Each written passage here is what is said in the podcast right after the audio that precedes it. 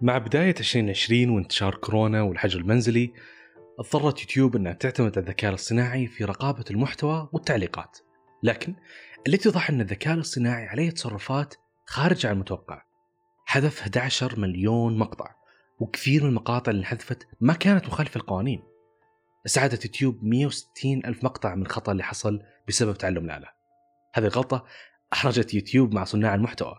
نقدر نقول عنها رب ضارة نافعة. تبين أن سرعة الذكاء الاصطناعي في الرقابة كانت عالية مرة لدرجة أن 50% من المقاطع اللي انحذفت ما كان لها أي مشاهدة. وأكيد هالشيء نتمناه في كل المنصات الرقمية أن الرقابة تكون عالية ما نشوف محتويات سيئة مثل ما هو منتشر بالواقع. ويمكن أكثر الفئات اللي نخاف عليهم من هذه المحتويات هم الأطفال.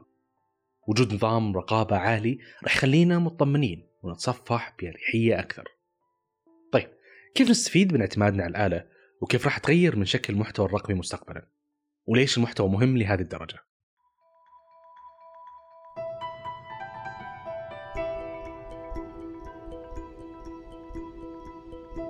يا هلا فيكم. أنا خالد قنيعة وهذا بودكاست عالم جديد المقدم من زين السعودية. مثل ما نشوف حياة أجدادنا مختلفة ونحاول نتخيلها من قصصهم. حياتنا كمان بتكون مختلفة عن أحفادنا وهذا بسبب ثورة التقنية والتغيير. القرن الواحد والعشرين هو قرن ثورة التغيير في حياة كل شخص فينا. صرنا ننجز أمور حياتنا اليومية بطريقة أسرع. بضغطة زر واحدة أقدر أتواصل مع أي شخص في أي مكان. أقدر أتسوق وأنا في البيت. بضغطة زر واحدة العالم كله صار في مدينة. في هذا البودكاست راح نستكشف أثر التكنولوجيا على حياتنا اليومية.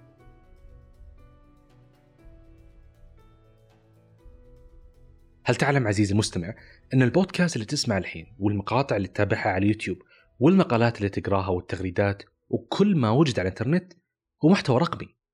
صح معلومة قديمة. أدري. لكن هل تعلم أن المحتوى يخليك ثالث أغنى رجل في العالم؟ يقول بيل جيتس المحتوى هو الملك. ليش قال عنه ملك؟ لأنه ما صار ثالث أغنى رجل إلا من المحتوى. خليني أقول لك 61% من حجم التسوق أونلاين كان بسبب قراءة المدونات التسويقية وهذا محتوى تسويقي. و25% من مستخدمي التواصل الاجتماعي يتواصلون دائما مع شركات المتاجر الإلكترونية والبزنسز عامة وهذا جانب من جذب العملاء بالمحتوى اللي يقدمون على حساباتهم في التواصل الاجتماعي. وآخر إحصائية تقول إن الشركات اللي تعتمد على المدونات لنشر منتجاتها يزيدون عملائهم بنسبة 126%. يعني المحتوى حرفيا فلوس، المحتوى هو أساس نجاح شركات ومنتجات وكذلك تعليم وتطوير. وهو مهم في حياة كل شخص منا. عشان تنبسط أنت تستهلك محتوى ترفيهي. عشان تتعلم تقرأ أو تسمع محتوى تعليمي. عشان تشتري وتبيع أنت محتاج محتوى تسويقي وبيعي. وأنا عشان أقدم هذا البودكاست أحتاج محتوى تقني. المحتوى يمر بسلسلة من العمليات تبدأ من فكرة لكتابة لتسجيل لتصوير لتصميم لتحرير صوتي ويخرج بصورة مختلفة. هذه العمليات تحتاج كادر بشري يعمل بجد حتى ينتج. لكن في زمننا هذا صارت الآلة هي تقوم عننا بصناعة المحتوى. وظهر لنا شيء اسمه روبو جورناليزم اللي هو الصحافة الآلية طبعا وجود الصحافة الآلية ما يعني أن الصحفيين خسروا وظائفهم لكن تخيل في صحفي كتب لك مقالة هو مو بإنسان آلة الصحفي الآلي وجوده راح يساعد كثير من الصحفيين. يشيل عنهم كتابة المقالات والأخبار الروتينية أخبار الطقس نتائج المباريات صفقات وجولات استثمارية وهنا يقدر الصحفي يتفرغ إنه يكتب مقالات أخرى أكثر إبداعية يبحث في القصص وحياة الناس.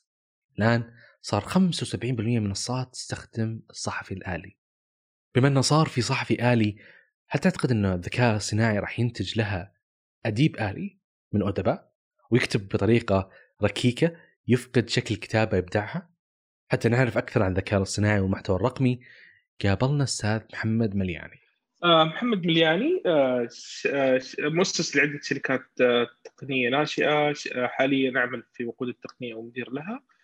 وأحد الشركات الناشئة اللي قمنا بتأسيسها لوسيديا وهي مهتمة بشكل كبير في مجال الذكاء الصناعي والمشين ليرنينج.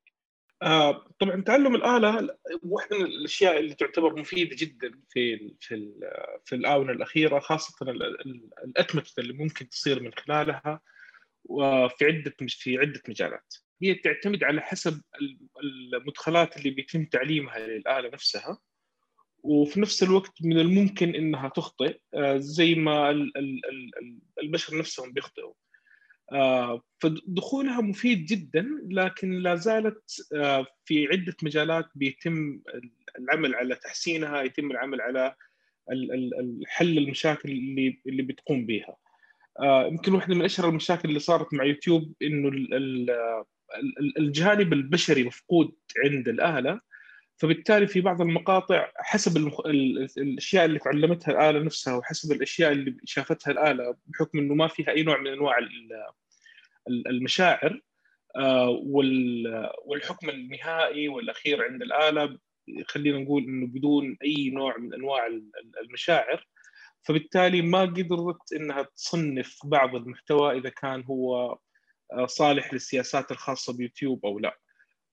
فهذا واحد من المشاكل اللي لسه لا زالت على الآلة إنها آه، يعني أو الأشخاص القائمين على تعليم المشي الذكاء الصناعي نفسه إنهم يحلوها.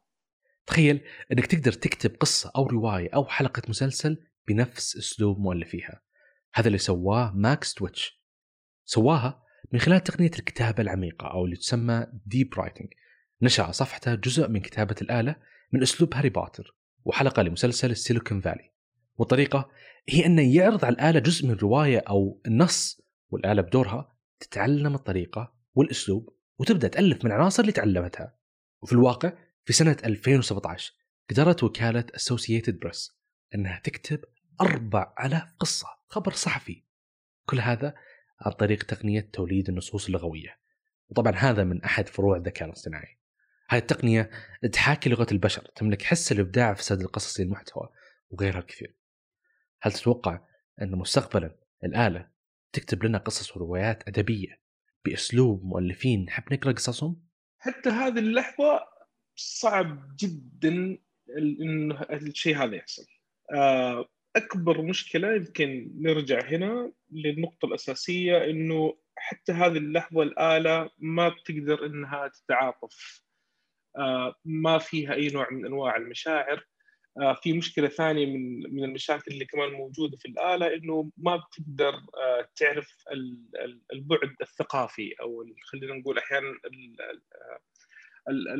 المنطقة نفسها إيش الطريقة أو الأشخاص اللي موجودين فيها إيش الطريقة اللي بيفكروا فيها كيف تقدر إنها تجذب انتباههم كيف إنها تقدر تعطيهم المشاعر اللي هي موجودة عندها. آه، كان في أكثر من محاولة إنه الذكاء الصناعي يكتب روايات آه، لكن للأسف كلها كانت خارجة بشكل صامت.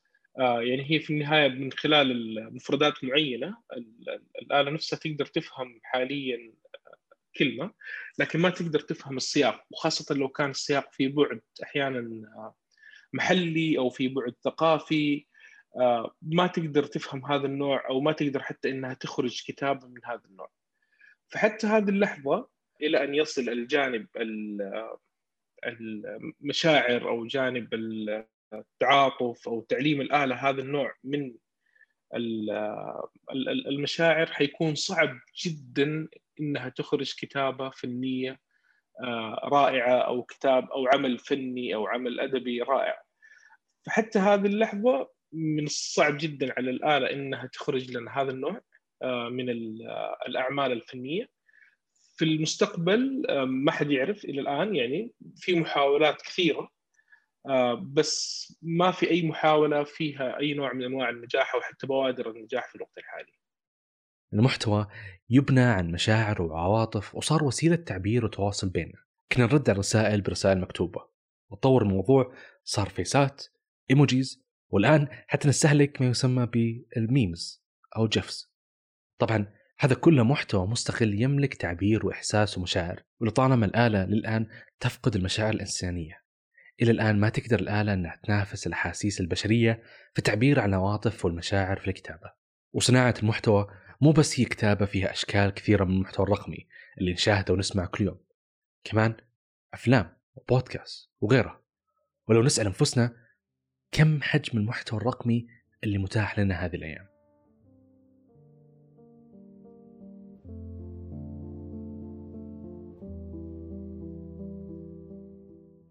شركة كوداك لما اخترعت أول كاميرا رقمية في السبعينات وقتها ما كان التصوير الرقمي منتشر. كانت تواجههم مشكلة تخزين الصور وجودتها. إلى أن جتنا الهواتف الذكية.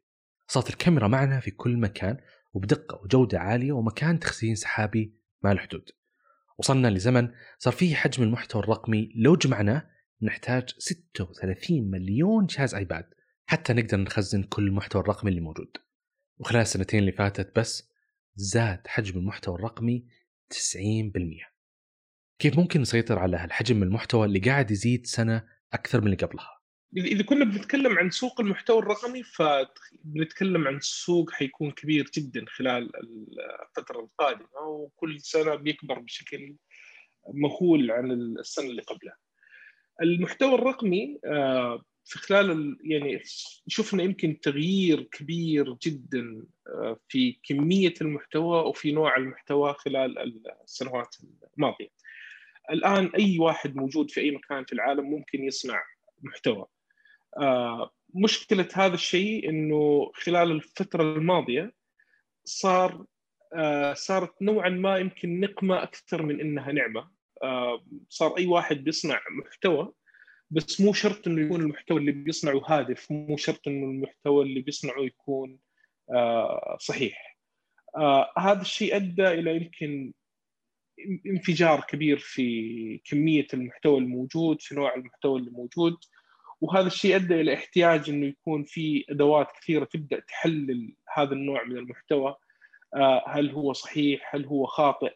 فهنا كان تدخل الآلة مهم جدا خاصة مع آه، يعني عدد المحتوى اللي موجود. فكان المهم جدا إنه آه، يبدأ تصنيف المحتوى. هل هو صحيح؟ هل هو خاطئ؟ هل المحتوى هذا إيجابي؟ هل هو سلبي؟ هل هو مع أو ضد مثلا آه، أشياء معينة؟ فنوعا ما خلال الفترة الماضية شهدنا يمكن انفجار كبير في المحتوى بغض النظر عن كونه مفيد أو غير مفيد آه، بغض النظر عن كونه صحيح أو غير صحيح. لكن آه، في خلال الفترة القادمة أو مؤخرا بدأ الناس آه، يكون عندهم وعي أكثر بخصوص المحتوى خاصة المحتوى اللي خلينا نقول سخامي أو سبام أو خاطئ وبدأوا يستوعبوا إنه هذه المعلومات مثلا خاطئة أو إنه أحيانا هذا هذا المحتوى ما يعني ما هو صحيح أو أحيانا يكون نوع من أنواع الإشاعات. آه، فبدأ الناس يعني يتفاعلوا مع هذا الشيء، الشركات كلها اللي بيمتلكوا المحتوى آه، بدأوا يحاربوا النوع هذا من المحتوى. آه، يمكن خلال الفترة الماضية واحدة من الأشياء اللي شفناها إن تويتر سوت حركة بحيث إنها تبي تمنع انتشار المعلومات أو الخاطئة والاشاعات عن كورونا. فبدأوا يحطوا إذا في كلمات معينة كانت موجودة في في التغريدات يبدأوا من خلالها يوروا المستخدم إنه هذه التغريدة قد تكون تحتوي على مثلا محتوى غير صحيح أو إنها إشاعة. وأحيانا يوصل بهم الحال إلى أنهم يعملوا إيقاف للحساب كان فيها مشكلة إنه أحيانا الآلة بتكون ما هي دقيقة بشكل كافي فيكون شخص مجرد إنه كتب إنه أخذ اللقاح مثلا فتويتر أو الآلة اللي موجودة عند تويتر تحس إنه التغريدة هذه مثلا فيها نشر آه، إشاعة أو مشاكل. عقد قمة العشرين الافتراضية كانت هي أول شكل من أشكال مستقبل المحتوى الرقمي وهي المؤتمرات الافتراضية. ساعد ظهورها وجود الجيل الخامس واللي تميزت فيه شركة زين بأنها تملك أكبر شبكة جيل خامس في الشرق الأوسط في 50 مدينة. سرعة الجيل الخامس اللي تفوق الجيل الرابع بعشر مرات تقدر تنقل الصورة والكلمة بنفس اللحظة.